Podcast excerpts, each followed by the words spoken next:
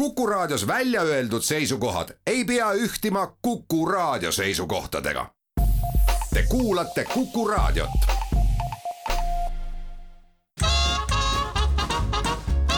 jäljed gloobusel tere päevast ja kena maikuud ka Jäljed Gloobusel tiimi poolt. nagu ikka, istuvad neljapäeval veidi peale kella ühteteist siin Kuku raadio mikrofonide taga Väino Laisaar ja Andres Karu, tervist! suur tere ka minu poolt! no vot, eelmine kord me istusime siin rõõmsalt koos Ivo Tšetõrkiniga, ütleme siis meie, meie kõva konkurendiga Raadio kahest, kus ta teeb siis saadet Reispass ja ajasime loomulikult juttu noh, Ameerika sellest osast, kus Ivo kõige rohkem käinud on, ehk siis Lõuna-Ameerikast ja eriti palju me rääkisime sellest, sellisest riigist nagu Peruu, kuid äh, kaugeltki kõik jutud Peruust ei mahtunud ühe saatetunni sisse, sest äh, noh, Väints on seal natukene kauem aega veetnud kui Karu, äh, mina olen siis seal käinud ainult põgusalt, nii neli ööd umbes järjest olnud ühel läbisõidul. Väints tuleta kõigepealt rahvale, ole hea meelde, et mis, mis riigiga Peruu näol üldse tegemist on, mis, mis numbrid selle riigi kohta räägivad? ja olgu igaks juhuks veel ette ära öeldud äh, maailma aususe nimel, et tegemist ei ole kordussaatega ja me ei hakka seda Ivo saadet ümber jutustama. aga kuna juhtus nii, et äh, ühte stuudiosse sattusid kokku kolm inimest, kellele me väga meeldib rääkida, siis me äh, Karuga olime, hoidsime ennast natukene vaos ja lasime Ivol olulisema jutu ära rääkida, aga meie enda kogemused suures osas jäid kõik eetrisse laskmata, nii et eh, nendega me siit nüüd siis eh, täna ja selle saatega jätkame. aga Peruu ise, eh, järjekordne hiigelsuur riik, üks koma kaks miljonit ruutkilomeetrit suur ja, ja kahe tuhande kolmandal aastal eeldatakse, et seal siis võiks elada kokku kolmkümmend neli koma kolm miljonit inimest ja nagu Ivo eelmisel korral rääkis, siis tegelikult on ta ju äärmiselt selline mägine, äärmiselt mitmekülgne tänu oma eh, positsioonile siin maakera kaardi peal. et, et seal oli siis, kui ma nüüd ei eksi, kas siis kakskümmend üks või kakskümmend kolm justkui nagu erinevat eh, kliimavööndit, mis seda, mis seda Peruud eh, läbib ja olgu siis siinkohal ka öeldud, et kes nüüd kaardile otsa vaatab, siis ta on tegelikult üsna seal ekvaatori juures ja tegelikult sealt ülemisest otsast eh, jääb neli koma kolm kilomeetrit puudu, et ta nii-öelda selle ekvaatori maagilise joonega eh, ära puudutaks. ja temaga on siis selline lugu, et on tal ka mõned hulganisti toredaid naabreid, näiteks Ecuador, Kolumbia idas on siis Brasiilia, mis on noh, veel suurem riik, on ju Eh, kagus Boliivia ja, ja äärmises lõunatipus siis ka omakorda Tšiili ja, ja Peruu on ka selline riik, mis siis põhimõtteliselt on justkui noh, ütleme pooleks lõigatud ja, ja seda siis eh, andide mäestiku poolest. ja andid ju teevad selle triki ka riikidega, mitte ainult Peruuga, vaid teistega ka, mida nad mitmeks jagavad, on see, et, et Vaikse ookeani poolses küljes siis on selline suhteliselt äh, niiskem kliima ja siis kõik, mis jääb nagu äh, ütleme siis jämedalt Atlandi ookeani poole ehk või sisemaa poole, et see siis tänu, tänu mägedele, mis hoiavad nagu pilvet kinni, siis on äh, väga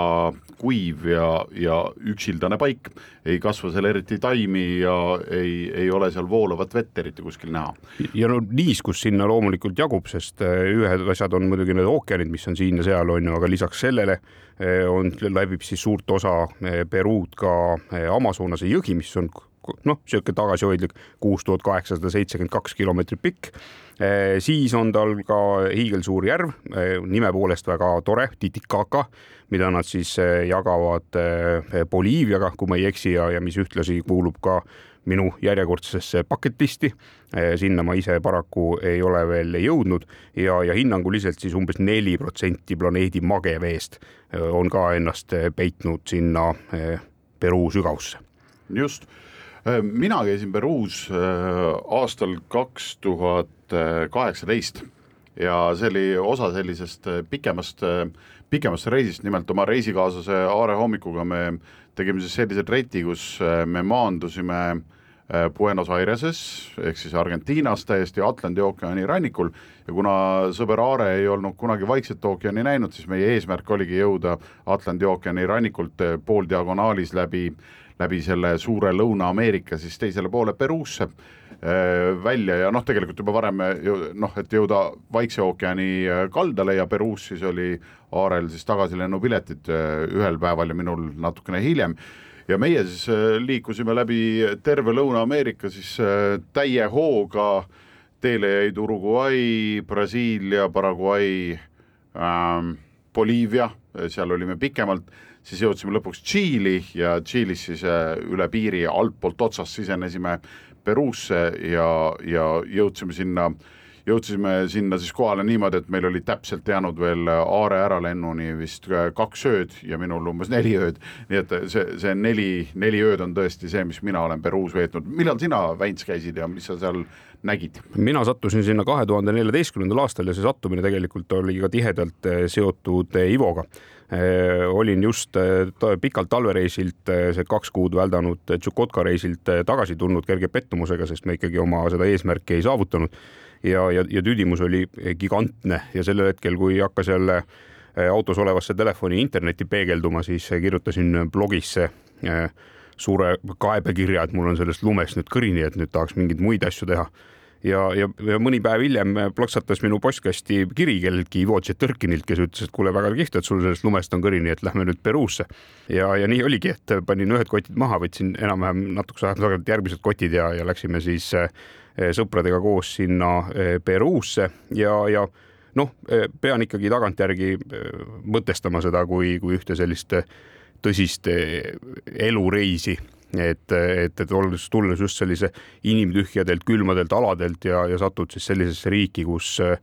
kõik inimesed on väga toredad ja, ja kui ma siin varasemates saadetes olen ka rääkinud, et mingisugune teema mul on seal Lõuna-Ameerikas ja, ja ütleme isegi nagu Mehhiko poole pealt, et nii kui üle piiri lähed, kuidagi see niisugune hingamine läheb teistsuguseks kogu see muusika muutub teistsuguseks, kõik need rütmid kõnetavad mind, kõik need värvilised riided kõnetavad mind, siis, siis Peruga oli tegelikult täpselt samasugune eh, kogemus ja, ja kui ma nüüd ei eksi, siis me tegelikult olime seal veidi üle kahe nädala.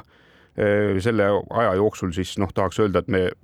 suutsime ära käia nii-öelda valdava osa sellest riigist, aga, aga tegelikult see päris nii ei olnud, et sinna alla kõrbe poole peale ja, ja nende Nazca uhkete eh, geoglüüfide juurde me ei jõudnudki, nii et me siis tegelikult maandusime pealinn Peruus või seal pealinn Liimas. sealt siis paar päeva hulkusime ringi, seejärel lendasime selle külabussilennukiga, mis iga metsatuka taga peatus ja, ja vahepeal tankis jälle lendasime siis sinna maailma suurimasse linna, kuhu ei vii ühtegi teed, milleks on siis Iquitos, mille hääldamisega mul oli alguses hästi raske, sest ma veel mingisugune pool reisi rääkisin mingist salapärasest Iguitosest. aga, aga tuli välja, et olin olnud eksiteel ja, ja sealt siis omakorda sõitsime väikese jõelaevakesega ära sinna Amazonast mööda eh, džunglisse, eh, ööbisime seal, seejärel tulime Igitusesse tagasi, lendasime sellise väikese liimapõrkega siis hoopis teisele poole Cuscosse, sealt eh, nii-öelda ranniku null meetri kõrguse pealt kolme tuhande neljasaja peale. ja, ja siis ülejäänud meie see reisi Äh, tegevus toimuski seal Cusco ümber, käisime äh, Machu Picchul, sõitsime seal motoratastega äh, paaripäevase sellise mägedevahelise toreda tripi erinevate soolakaevanduste vahel ja, ja põnevates külades ja seejärel ei olnudki midagi muud teha, kui tuli lennata Liimasse tagasi, et hakata kodu poole tulema. Äh, sa mainisid juba, et äh, inimesed sellised äh, nagu toredad ja eriti pärast seda jäist reisi sinna kuhugi ütleme ida, nii idasse kui enam-vähem minna saab, on ju siin üleval põhja poolkeral vähemalt, et mis sulle, noh, enamus inimesed on seal ju indiaanlased, on ju, on ju päris indiaanlasi on siis kolmkümmend protsenti Peruu rahvastikust ja ja umbes poole rahvastikust moodustavad siis indiaanlaste ja valgete järeltulijad Äh, keda on siis kõige rohkem siis ütleme, siis noh, ülejäänud on siis valged, on ju. et äh, kuidas sulle tundus, kas äh, oli seal suur vahe ka, et kus kandis need inimesed nagu kõige soojemad näiteks olid? No vot niimoodi ongi väga raske öelda, ma arvan, et need, see soojus on mitmeti tõlgendatav, noh, üks variant, kui siin juba sa juba selle jutu tõid ja tegelikult me ka eelmises saates korra rääkisime seda, et, et seal minu jaoks elabki nagu kolm täiesti erinevat rahvust või ka eri tüüpi inimesi, ühed on siis seal põhja poole peal džunglis, kes ongi siis need eelmainitud eh, sellised indiaanlased, on ju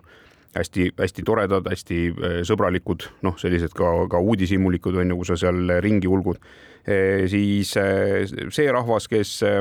seal pealinna ümber elas nii-öelda noh, meie mõistes selline nii-öelda nagu tavalised, meie poolt vaadates suhteliselt tavalised, need võib-olla nii palju ei kõnetanudki, aga kui me jälle lõuna poole liikusime sinna mägedesse, siis, siis järgmine nii-öelda hulk inimesi olid need ketšoad ja, ja nendest pärinevad inimesed, siis, siis seal lõi jälle minu silm, süda ja, ja kogu hing põksuma, et, et seal tulid kõik need uhked, uhked värvid ja ägedad riided ja, ja, ja imetabaselt lahedad inimesed kogu oma sellise toreda olekuga peale. küll tasub siin öelda, et, et kui te ikkagi seal Kusko tänaval näete sellisesse eh, maastlaeni rahvariidesse, värvilisse rahvariidesse riiendatud inimesi, siis nad on seal sel põhjusel, et lasta endast pilti teha ja, ja selle eest siis ka väike, väike mammuna võtta. me oleme hetke pärast juba Peruu juttudega teie kõrvades tagasi jäljed gloobusel. Nõnna, head inimesed, Karu ja Vänts on stuudios tagasi ja sellel korral teeme oma jälgi sellisesse põnevasse riiki nagu Peruu ja mis siin salata, teeme seda teist saadet järjest. Ja Peruu lisaks sellele, et ta on niisamagi nagu üliäge riik, on see ka maast laeni täis erinevaid eh, mägesid ja, ja tundes sind, hääkaru, siis eh, kipud ikkagi nina taeva poole mööda riiki jalutama ja vaatama, kus kohas siis see eh, kõrgem tipp võiks olla ja, ja tõenäoliselt on kõrgem tipp olemas ka Peruus. on, on täitsa väga õige, Väints, väga tähelepanelik oled ja maailma asjadest juba saad õigesti aru. on Nevado Huascaran on see, mis Peruus kõige kõrgemat punkti tähistab äh, Nevado, noh üldiselt ongi tõlkes, tähendabki mäge, nii et Nevadosid on terve see Lõuna-Ameerika ja kõik niisugune hispaaniakeelne äh, kant seal on täis ja, ja tal on kõrgus kuus tuhat seitsesada kuuskümmend kaheksa meetrit. Ja täitsa südamerahuga võin öelda, et pole ma seal käinud ühti, aga enda lohutuseks võin öelda, et pole ka proovinud sinna minna, sest kuna me Aare hommikuga sinna jõudes olime täiesti oma nii-öelda äh, Lõuna-Ameerikat läbiva reisi äh, lõpupäevadesse välja jõudnud, siis meil isegi seda võimalust, et üritada tõusu sinna kõrgemasse tippu, seda üldse ei olnud. ja nii me seda ka tegema ei hakanud, katsusime lihtsalt nautida nii palju, kui vähegi saime ja, ja see õnnestus ka väga suurepäraselt. kuid ähm, ähm, ma hakkasin mõtlema enne ähm, siin ütleme siis niimoodi kahe saate vahepeal, et mis need asjad on üldse, mis inimestel nagu Peruga seostuvad. Ja täiesti loogiline, et seostub Machu Picchu on ju esimese asjana on ju, kõik teavad, tulevad pildid ette äh,, on sellest palju kuulnud, tulevad indiaan, indiaanlaste jutud tulevad meelde, et noh, et see on see koht, kus inkasid näha võib ja eelkõige siis inkad jah, esimestena tulevad meelde. On kindlasti Peruu äh, see koht, äh, et teatakse, et noh, Liima on pealinn ja Titicaca järve võib-olla ka mõned teavad, aga siis vaikselt äh, hakkabki otsa saama, kes just näiteks suur kohvisõber ei ole, sellel tuleb võib-olla ka kohvi meelde. aga kahe tuhande viieteistkümnendal aastal paraku üks alpinistidega juhtunud õnnetus siis tõi ka Peruu natuke rohkem inimeste teadvusesse ja tõenäoliselt vaadati ka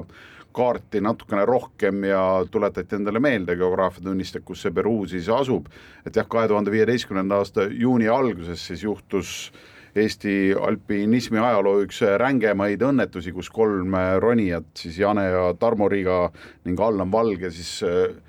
ühe õnnetusega kõik oma elud seal kaotasid, neljane grupp neil oli, üks ellujäänu oli ka. Anne-Mai Märtson, kes siis kes siis pidi ootama päästjad ära, aga sai siis nendega koos alla ja haiglasse ja pärast äh, koju tagasi äh,. lihtsalt selleks, et inimestel äh, nagu, kes pole väga mägedes käinud või kes seda õnnetust võib-olla ka kõrvalt kuulsid või, või kuulsid ka mõndasid mõtteavaldusi tuntud mägironijate ja alpinistide poolt selle õnnetuse aadressil kuna need ei olnud minu jaoks nagu üldse mitte väga adekvaatsed, siis, siis ma veidikene sellel teemal peatuksin, sest Äh, kõigile jäi selline mulje, et noh, need alpinistid sinna üles lähevad ise lollid, on ju, siis said surma ja siis no nüüd riik peab tegelema ja katsuma neid kätte saada. aga tegelikult äh, lihtsalt, et, äh, et kuulajad teaks selliseid õnnetusi, kus kolm tippronijat ja nad absoluutselt olid tippronijad, Eesti parimad või noh, ütleme siis noh, vähemalt vähemalt siis Tarmo Riiga kindlasti Eesti üks parimatest parimaid alpiniste Äh, siis selliseid õnnetusi tipptegijatega nagu juhtub üliharva ja Eesti alpinismi ajaloos on ainult üks kord juhtunud samaväärne õnnetus, kus kolm alpinisti on äh, surma saanud üheaegselt ja see oli aastal tuhat üheksasada seitsekümmend neli. Ehk siis äh, nelikümmend üks aastat oli vahet, kus nii ränkasid õnnetusi ei juhtunud. Ja tookord siis Lenini mäenõlval äh, Äh, ka kolm Eesti tippalpinisti tol ajal äh, oma elu kaotasid, Erik Reino, Priit Vürst ja, ja Tõnu Tõnisson olid need. Ja ne, nemad siis jäid laviini ja, ja, ja kaks grupiliiget jäi tookord, jäi ka ellu, nii et sel-, mis ma öelda tahan, on see, et selliseid õnnetusi juhtub väga, väga harva ja igasugused spekulatsioonid, et mis seal, mis seal nagu toimus ja mida, mida nad võisid valesti või õigesti teha, et need äh, mingil hetkel äh, olid täiesti ebaadekvaatsed, on ju, sest selle õnnetuse kohta noh, minu hinnangul kaks inimest on, kes saavad anda,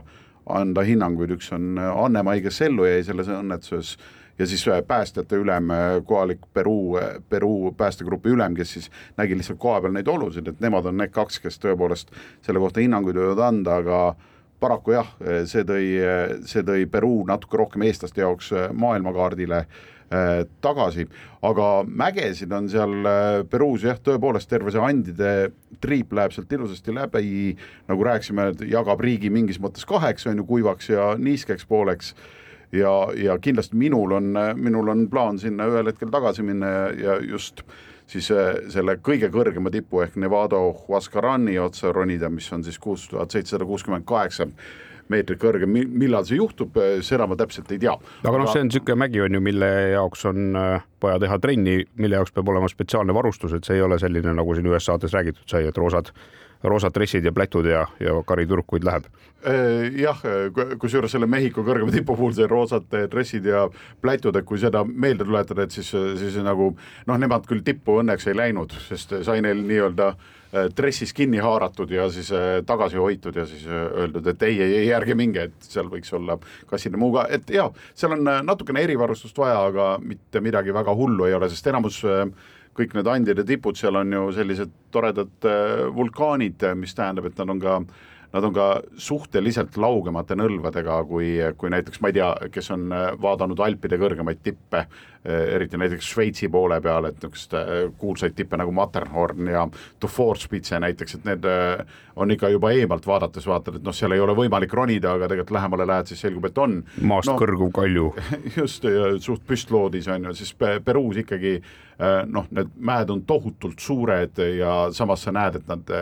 ikkagi enamikes kohtades nagu üsna laugelt nagu tõusevad, aga on ka erandeid muidugi, aga kõrgemates tippudes seal on võimalik täitsa käia. aga kui lihtne sinu jaoks üldse mööda on minna nendest kõrgetest tippudest, noh, kui sa oledki sattunud näiteks sinnasamasse Peruusse ja sa tead, et sa ei lähe tippu võtma? ei, see, see ei ole, vaata, kui, kui ta ei ole nagu plaanis, siis ei ole mingit nagu seda, et issand, jääb tegemata, on ju, ei, see mingit ängi ei ole, täitsa rahulikult nagu äh, vaatad ringi, teed seal muid asju ja, ja meil Aarega oli nagu äh, noh, oli küll vähe aega, aga noh, mingid asjad said tehtud, mis, mida võib-olla isegi ei plaaninud. näiteks mina ei olnud bensihüpet kunagi teinud ja siis äh, saan nüüd uhkusega siis öelda, et tegin oma esimese bensihüppe ära ja see juhtus siis täiesti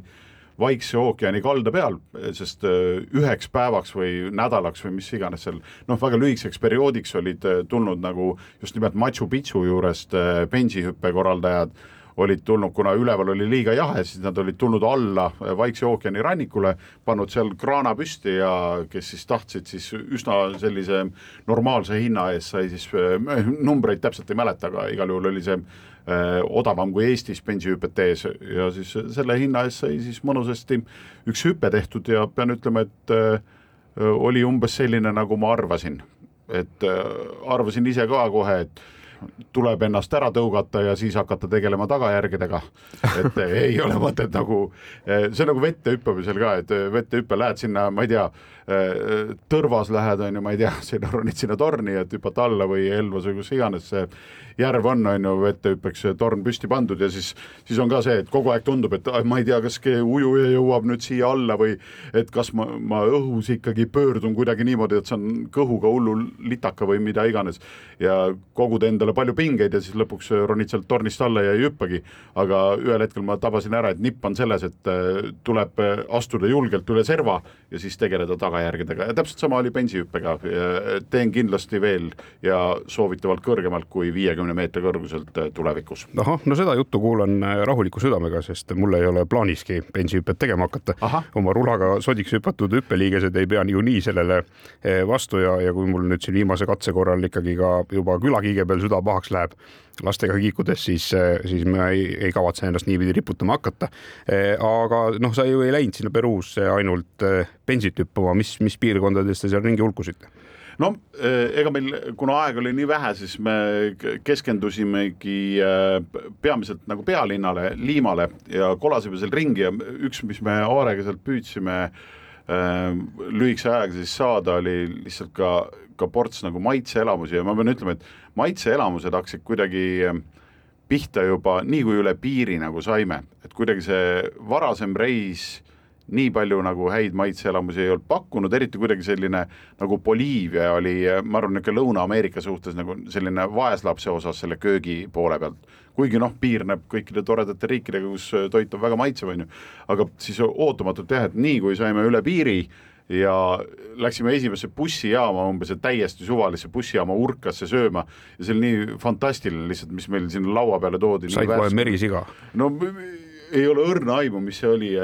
mälu keeldub mäletamast, aga noh, maitsemeeltel on see kõik meeles. nii et eh, nimesid ei ütle, aga tohutult maitsev oli kohe algusest peale. Eh, me peame tegema väikse pausi, sest eh, maitsetest me tahame tõenäoliselt rääkida veidi pikemalt ka. hetke pärast oleme tagasi jäljed gloobusel. Oleme tagasi ja maitsed maitseteks eh, seal Peruus, ütleks mina. Ikkagi inimesi tõenäoliselt, kui korra on öeldud džungel, siis see hakkab neid huvitama, sest enamus inimesi, normaalseid inimesi ei ole ju džunglis kunagi käinud, sina, Väints, oled Peruu džunglis käinud. räägi sellest Igitusest ja sinna džungli poole minekus ka. Ja eh, nagu ma juba enne ütlesin, siis oli see ka mõneti selline elumuutev reis ja kui sa siin eelmises osas tulid juba sisse nende erinevate maitsetega, siis, siis nii ka oli. et enne seda reisi ma olin ikkagi olnud selline eh, noh, niisugune väga valiv sööja et mida ma endale eh, suu sisse panen ja, ja seal ma siis avastasin enda jaoks ka selle dimensiooni reisimisel, et, et sa ei pea ainult reisima silmade ja kõrvadega, vaid tegelikult on sul nagu hulk erinevaid meeli, mida reisimise juures ära kasutada ja, ja siis avasin öö, oma sellise kergelt pirtsaka suuga erinevate muude maitsete jaoks ja, ja kui seal Liimas me küll minu mäletamist mööda olime suhteliselt vähe aega, aga, aga seal sain ma siis tuttavaks sellise toreda söögiga, mille nimi on äh,, näed nüüd ceviche mis on siis eh, selline kohapeal kiirelt marineeritud toores kala kõikide mõnusate asjadega ja muidugi meeletu koguse tšilliga, mis ei ole tänaseni minu suur sõber. aga see maitse on jäänud minusse ja, ja kui ma olen nüüd erinevatel reisidel ka sattunud mõnda sellisesse kohta, kus ceviche't pakutakse, siis olen ikkagi, ikkagi üritanud ära proovida.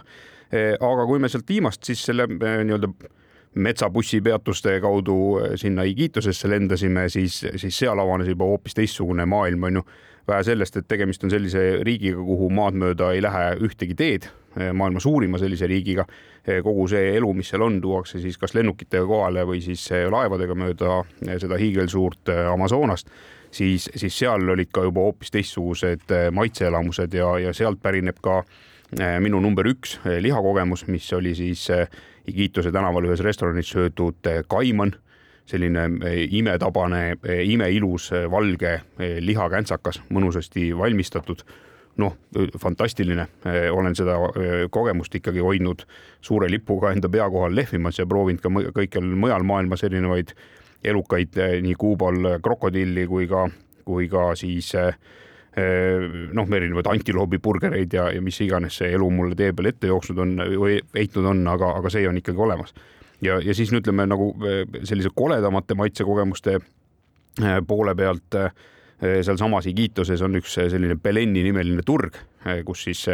kõik see džunglirahvas ja, ja kohalik rahvas oma selliseid toredaid kaupasid käivad müümas, siis seal puutusime kokku kahe sellise põneva toiduga, üks neist oli kin-, kilpkonnasupp, mis siis podises tule peal nii-öelda enda selle omaniku kilbis, millest oli siis kauss tehtud ja, ja, ja see oli seal niimoodi küpsemas, nägi kole välja, aga maitses täitsa okeilt. aga teine asi oli siis kilppunamunad, mis nägi kole välja ja, ja tõenäoliselt maitses ka veel koledamini, aga vot seda ma nüüd ei suutnudki endale üldse suhu pista, vaatasin lihtsalt, kuidas hääsõber Ivo selle veidra rohelise ollusega maadles seal ja proovis, proovides siis halva mängu juures teha nii head nägu, kui, kui vähegi suutis. oli siis ikka nagu äh, Ivo pärast rääkis, et oligi täitsa nagu halb maitse ka või? no ma, nii palju, kui ma Ivot tunnen, siis ta on ikkagi nagu seest ja väljast üdini nagu positiivne inimene, aga, aga selle muna söömise käigus ta ei, ei suutnud manada seda positiivsust enda enda näkku, noh vaata, kui, kui muna on minu meelest nagu selline hästi konkreetne ja hästi loogiline ja hästi ilus asi, sul on lumivalge asi, on ju, ja siis on ilus kollane asi, on ju, siis see kilpkonnamuna oli eh, selline eh, heledam roheline, selline limajas asi, mille keskel oli tumedam roheline limajas asi, et, et noh, ta ka nagu visuaalses mõttes oli, oli selline kaugelt eh, eemale peletav. Ta, ta ei olnud siis nagu kanamuna või selline või vutimuna, et ta ei olnud nagu, ta oli nagu siis sa ütled lima, et see tähendab, et ta, ta nagu keetes nagu ei võtnud kuidagi nagu no vot, seal on nüüd selles mõttes nagu raske öelda, mismoodi teda valmistatud oli, ta igal juhul oli keedetud, onju, aga ta ei olnud kindlasti keedetud eh, nagu nii vähe, et sa ei saa teda ära koorida, ta oli ikkagi võimalik teda ära koorida ja ta püsis justkui nagu muna kujulisena koos, onju, aga, aga lihtsalt mingil põhjusel oli ta nagu üleni selline selline limane ja niisugune eemale tõukav. ja okay., ja siis eh, seal Beleni turu peal proovisime ka eh, palmivaklasid. Eh, mis eh, sellisesse bambusvarda otsas grilli peal läbi käinuna eh, maitsesid tegelikult päris head, see peaosa oli niisugune mõnus krõmpsuv. aga, aga noh, kohalikud noppisid sealt korvist ka neid päris nii-öelda ehedaid otse palmi koore alt tulnud äh, asju, neid, neid ka ei, ei suutnud kuidagi endale äh, suhu pista, aga noh, kogemusena oli see väga huvitav sellisel turul äh, ringi käia, sest noh, ütleme turud on minu meelest kõikides riikides üks selline must koht, kuhu, kuhu nagu igal juhul peab minema. et, et seal avan, avardub see kohalik koloriit on ju, et kui sa linnatänavatel äh, näed ühesuguseid inimesi ja teed oma otsused selle põhjal, millised, millised inimesed seal linnatänaval on, siis see tegelikult ei pruugi üldse anda sulle täit pilti äh, selle riigi olemuse osast. aga kohe, kui sa sead sammud mõnele sellisele äh, ulakamale turule, kus kõikvõimalikke asju müüakse, on ju seal noh, seal oli ka näiteks saada ingli trompetitest keeratud selliseid suuri sigareid, mis, millega sai ennast kuhugi natuke mõnusamasse kohta suitsetada ja, ja, ja, ja noh, ühesõnaga igasuguseid detaile, mida võib-olla nagu tavamaailmas meie mõiste järgi noh, ei tohigi müüa, võib-olla mingeid elukaid oli seal, mida ei tohi püüda, aga, aga noh, see kohalik elu ikkagi eh, keerleb selle ümber, et eh, kui sa pead kuidagi ellu jääma, siis sa pead midagi müüma. Ja, ja kui see, mida sa müüma pead, sinust mööda ujub, siis sa võtad selle kaasa ja, ja müüd selle turu peal maha, onju päris äh, nii-öelda Balti jaama turuga võrrelda ei anna siis äh, neid turge seal, jah? jah, seda, seda niisugust äh,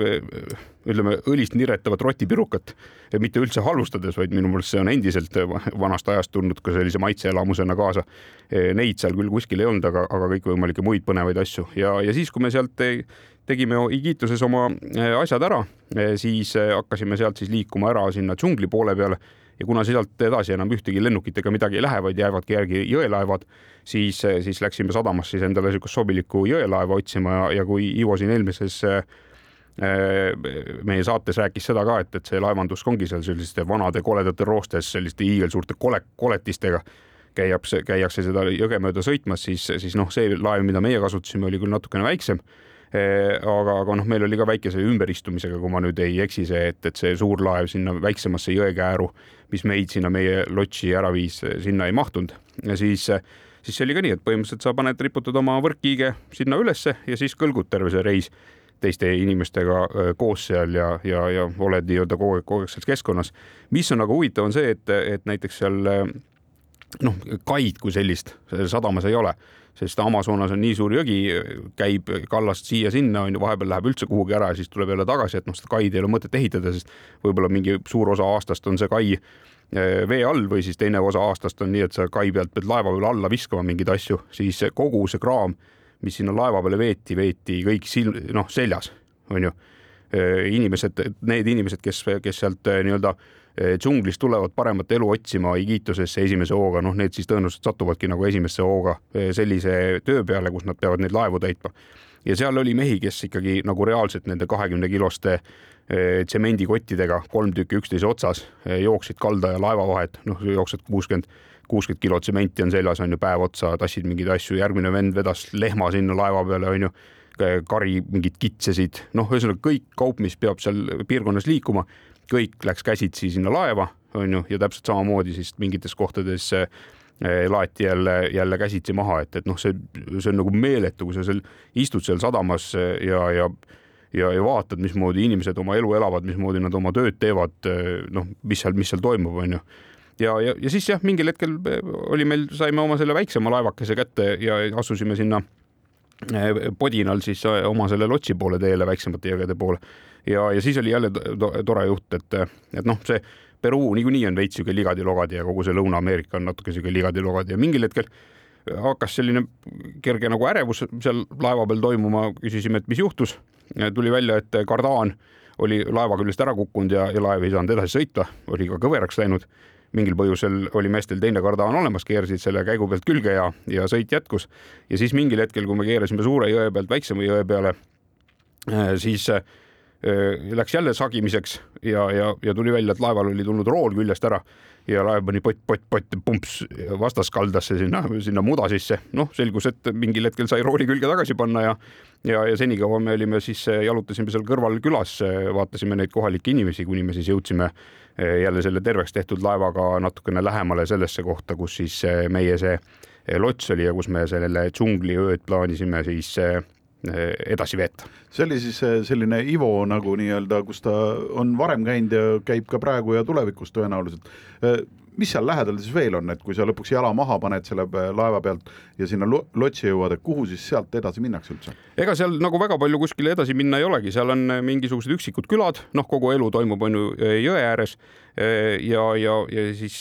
noh, suures osas ega seal muud ei olegi, on ju, küla, küla, küla ja, ja, ja jõgi ja džungel on ju, koos kõikide oma elukate ja, ja asjadega, kes seal elavad ja, ja samasuguseid väljasõite me siis tegime oma sellest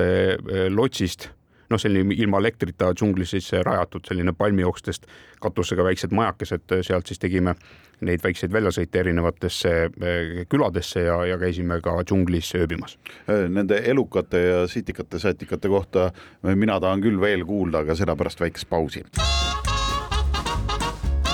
jäljed gloobusel tere tulemast tagasi, enne pausi jäime siis äh, džunglis pidama selle koha peal, kus äh, mina tahtsin küll teada, et äh, mis satikaid ja mis pudulojuseid ja veeelukaid te üldse seal siis nägite džunglis? no ega elukaid oli seal igasuguseid näha, onju, me katsetasime oma oma keha peal ära siis selle variandi ka, et, et selle nii-öelda legendi on ju, et kui sa lähed paadist vette sellisesse kohta, kus pirajad elavad, siis tuled sealt tagasi nii, et ainult kondid klõbisevad. noh, päris elu tegelikult päris nii ei ole et, et selleks, et eh, nii-öelda eh, käivitada Pirajades seda meeletut ründeorgiat, pead sa ikkagi olema kas ise üleni verine, noh, et sa nagu lased sellesse jõkke laiali selle lõhna või siis eritama endast mingit meeletut stressi ja, ja laperdama ja midagi pulbits, noh, ühesõnaga mullitama seal vees aga kuule, kas, kas ei ole nii, et kui esimene amps ära tehakse, siis kohe ongi nii veri kui stress on kohe ju olemas? vot see on raske öelda, me seda ampsu kohta ei, ei proovinud, aga, aga nendes eh, eh, pirajade rikkates vetes me käisime päris mitu korda ujumas. ja, ja, ja siis, kui ujumine oli tehtud, siis hakkasime teiselt poolt paadist jälle pirajasid püüdma ja, ja pirajat on selles mõttes hea püüda, et, et sul ongi vaja põhimõtteliselt ainult läikivat konksu Eh, ja, ja siukest eh, puuoksa ja, ja siis eh, noh, tamiiliga paned selle konksu sinna, lased vette, vehid sellega natuke aega, mingil hetkel tuleb piraja otsa, onju. ja, ja selgus, et piraja kõige parem lemmiktoit on ikkagi teine piraja, siis meie giid, kes meiega seal kaasas oli, lõikas selle esimese kätte saadud piraja tükkideks, see siis läks järgmiste konksude otsa ja, ja siis juba seda lihatükki küll rünnati juba niimoodi, et kuidas seal siis noh, oli näha, et meeletus koguses neid noh pirajasid juba ujus oma seda hõimuvenda eh, näksima seal. suuremad pirajad võtsime kaasa, need õhtul tehti meile ära saime neid süüa, iseenesest ega seal nüüd üleliia palju selles pirajas süüa pole, aga noh, neid on väga palju eri, eri liike. kõige suurem nendest on siis paku nimeline, mis on niisugune noh, mõnus niisugune pajakinnas, et, et need teised pirajad, sellised ilusama kuldsema või oranžima seljaga on niisugused väiksemad, et niisugune mõnus niisugune kerge snäkk. aga, aga noh, see, see pirajad ei olnud ainukesed elukas, mis me seal sõime, meil sealsamas lotsi ees oli see tavaline selline ilus mudase põhjaga jõgi ja, ja sealt siis need kohalikud lotsipidajad urgitsesid välja neid mingeid selliseid no ütleme, niisuguseid neljakümne sentimeetri pikkuseid põhjakoristajaid Eh, sellised noh, elu, elukole kala, millega lihtsalt põhja all, kalal põhja all on niisugune suur suu, millega ta siis sealt põhjast mingisugust väärt eh, materjali kokku kogub. kõhu all nagu. no see pea all on ju, et noh, pea, aga, aga noh, see pea iseenesest noh, ta, ta oli nagu üleni nagu soomusrong on ju, et põhimõtteliselt mm -hmm. nii, et peast ei saanudki nuga ja kahvlit läbi lüüa et siis kui pea otsa sai, siis mingisugune paar sentimeetrit tagantpoolt oli siis esimene kord, kus, kus nagu soomusest nuga ja kahvel läbi läks, muidu liha oli, pean tunnistama, mitte väga hea maitsega, sihuke puhas puhas mudakas ja, ja, ja, ja aga noh, kuna see kala ise oli nagu nii elukole, siis, siis kindlasti see ka nagu placebo efektina mõjutas seda kala maitset, onju. ja, ja mis me siis veel, üheks ööks sõitsime ära džunglisse Ivol oli sinna valmis vaadatud igavene hulk mingeid võrkkiikesid ja, ja, sõitsime seda väikest jõge mööda üles ja panime ennast džunglisse paika ja, ja siis proovisime seal siis ööd veeta, iseenesest väga kihvt oli. džungel muidugi on selline koht, kus, kui sa mõtled siin Eesti metsa, nii et öö tuleb peale, siis kõik loomad jäävad vait, siis džunglis on absoluutselt teistmoodi Eh, iga eh, kuradi kilk hakkab ka ennast unustavalt eh, lõugama, kilkama. Ja lõugama ja põhimõtteliselt kõik, mis seal metsas on, hakkab öösel lõugama ja lõugab nii palju, kui torust tuleb. ja, ja mida veidramaid hääli kuuled, siis elu näitas, et, et kui sa ikkagi kuuled, et mõni, mõni elukas teeb sul niisugust nagu tavalist lauatelefoni häält või, või, või noh, mingit imelik kukub kuskil, siis enamasti see oli alati mingi konn onju, et, et konn ja gecko, noh, mingid kaks asja, mis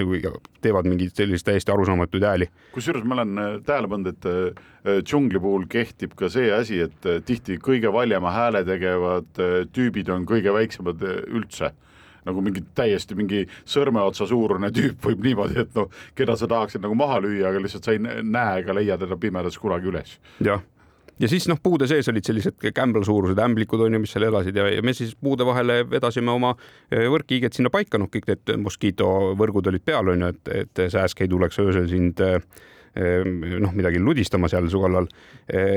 aga see ei hoidnud ära sipelgaid, noh, sipelgas ikka käib mööda puud ja, ja kui tal mingil hetkel sel puul on ka ees nöör, mis läheb teise otsaga sinna võrkkiike, siis noh, eks nad ikka tulevad vaatama, et mida,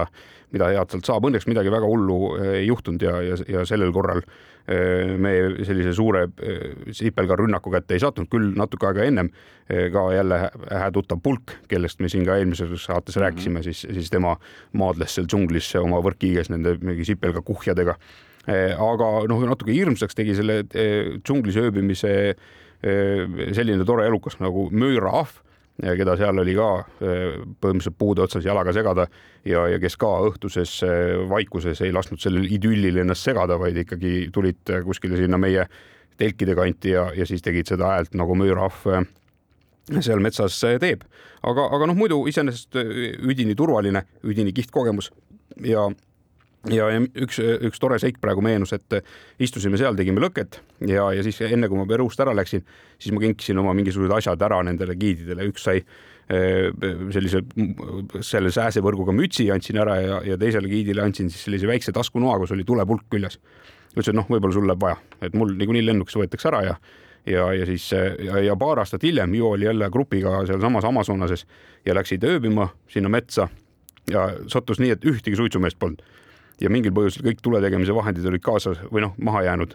Ja, ja siis korjati puud kokku, selgus, et põlema ei saagi panna. noh, nüüd on öö, öö džunglis, paadid on kõik ära läinud, onju, ja, ja tule tegemise vahendeid ei ole. Ja siis eh, üks giid võttis taskust välja, ütles, näe, mul on siuke asi, tõmbas põlema ja siis kõik imestasid, kus sa siukse asja said, et siuke välismaa vigur on ju. siis aa, Vänts andis, et eelmine kord ka läks onju. et, et, et ühe, ühe grupi ma olen oma, oma seadeldise ärakinkimisega ikkagi suutnud päästa võib-olla nagu noh, mine tea milliseid elukaid sinna kaldale oleks ilma selle lõkketa eh, roninud küsin ka seda, et kui suur see grupp üldse oli, kellega te seal olite tookord, mitu inimest umbes, rohkem alla kümne? meid oli pigem oli alla kümne jah, ma praegu päris täpselt ei mäleta, aga pigem meid oli ikkagi alla kümne, et me oma sõpruskonnaga läksime ja ja, ja siuksed Ivo valmis tallatud rajad, et noh, vaata, kui me siin rääkisime, et Ivo on niisugune mees, kes kes eh, avab ja, ja paotab selliseid uksi ja, ja, ja suudab suhelda selliste inimestega, kuhu nagu tavaline gringo, eh, eriti veel kuskil Lõuna-Ameerikasse minnes, noh ise kunagi ligi ei pääse, on ju, siis, siis tema kaudu saab ja ja, ja, ja niimoodi me seal käisime ja lisaks nende uste paotamisel ja siis me saime ka eh, osa sellest kuulsast ayahuasca rituaalist mis on iseenesest ka nagu tore, et, et meil see šamaan rääkis ära, kuidagi keetis seda seal päev otsa, kuidas ta seal rääk-, noh, ühesõnaga, mida selleks teha tuleb, onju. rääkis meile seal mingid jutud kõik ära kohalikus, kohalikus keeles, millest noh, üksikud ainult aru said, mis on iseenesest põnev, sest see segatakse kokku kahest taimest ja, ja Peruu on ikkagi taimede nii-öelda rohkuse mõttes mitmekesisuse mõttes ikkagi esirinnas on ju, seal kasvab kolmkümmend viis tuhat kirjeldatud taime, millest viis tuhat viissada on endeemsed ja, ja siis mingil põhjusel indiaanlased oskasid võtta siit seda juurikat ja sealt seda asja, need kokku panna, keeta kümme tundi ja, ja siis said sellist nii-öelda äh, sisemise silma avanemise vedelikku, millega saab siis erinevatesse kohtadesse vaadata, nii et, et ühel. kas said erinevatesse kohtadesse vaadata? ja tuleb tunnistada Eh, sain ja ei, ei ole ka midagi häbeneda ja, ja igaks juhuks eh, ütlen veel seda ka ära, et, et eh, kuuldu järgi saab seda ka siia toodud pulbrit, valmis segatud jooke kuskil Õismäe korteris sisse juua endale ja, ja saada siis see, see kerge nii-öelda halluka kogemus. aga minu jaoks see šamaani olemasolu, see šamaani laul see, kuidas ta vihaga soputas äh, seal pimedas äh, ruumis, kus me, kus me. pimeda vihaga. pimeda vihaga onju. Äh, see oli, ma arvan, et üks no kindlasti üks selline kuuskümmend, seitsekümmend protsenti kogu sellest kogemusest, nii et, et noh, ei, ei saa soovitada. aga, aga samas ei ole ka midagi karta, küll ütleme, väga paljud nendest inimestest, kes on sellega kokku puutunud, on ikkagi need neli tundi leidnud ennast võitlemas omaenda hirmudega. noh, nii ka, nii ka mina mõni on jälle rääkinud oma vanaisaga mingeid lugusid, aga aga, aga noh, ühesõnaga see on niisugune kahe otsaga lugu, nii et sellele väga palju rohkem ei, ei, ei peatukski. ja, ja noh, mis seal Amazonases veel muidugi need külaelu on, on hästi äge, noh, nad elavad seal jõgede kaldal, sest noh, jõgi toob kogu elu, on ju, kogu liiklus käib mööda jõge ja, ja siis kui meie oleme siin harjunud, et, et saadad lapse jalgrattaga välja sõitma, siis loed sõnad peale, et pane kiiver pähe ja ja kaitsmed külge, siis, siis seal näiteks kohalike laste meelelahutus oli see, et nad ronisid viiekesi kahesaja liitrisesse prügikotti ja siis veeresid sellega kaldast alla jõkke. siis tulid sealt välja, valasid koti tühjaks, vedasid nii ennast kui ka koti jälle kalda peale tagasi, ronisid jälle sinna kotti ja ja, ja veeresid tagasi ja, ja nii see päev otsa see laste elu seal toredas külas veetes, noh, mängisid muidugi jalgpalli seal, osalesime selleski. Ja noh, peetakse nendes väikestes külades ka väikeseid äh, kauplusi, kus siis äh, saavad inimesed oma, oma toiduvaru ja muid asju äh, täiendada. Meie aeg hakkab otsa saama, ega noh, Peruu on tõesti äge riik ja sellest võib pikalt rääkida. Ja noh, me rumala peaga ju kutsusime Ivo ka eelmisesse saatesse, et siis noh, ei olnud üldse muretki, et kas saab rääkida või mitte. jah, mina veel Liima osa lõpetuseks see, et et ja inimeste lõpetuseks minu viimased äh, kaks päeva Peruus ma veetsin siis äh, selle mehega, kes nii-öelda hotellis minu toa endale sai pärast mind, sest hotell oli triiki täis, aga siis äh, noh, minu tuba jäi vabaks. Camillo oli tema nimi, äh, sattusin kokku, see oli ka äge elamus, et sa satud kokku ajakirjanikuga, kes ongi tulnud ülevalt kuskilt sealt Titicaca järve ääres Puno nimelisest linnast ja selleks pealinna, et mingit artiklit kirjutada uuriva ajakirjanikuna. ja siis sa lihtsalt kaks päeva veedad temaga, tema oskab kakskümmend sõna inglise keelt, sina oskad kolmkümmend sõna hispaania keelt ja kui esimesest pingest üle saad, siis lihtsalt kõik maailma asjad räägid temaga ära ja mõlemad saavad aru ja mingeid probleeme ei ole vot tuleb vaadata nüüd jälle kella otsa ja et produtsendid meil nagu eh, keret kuumaks ei kütaks, siis peame otsad kokku tõmbama. Paneme Facebooki kindlasti ka Jäljak loovusel lehele pilte üles, vastame hea meelega teie lisaküsimustele. täna rääkisime Peruust, mikrofonide taga nagu ikka olid Andres Karu ja Väino Laisaar. ja, ja kui võib soovitada, siis minge kindlasti Peruusse ja püsige avarad. jäljed gloobusel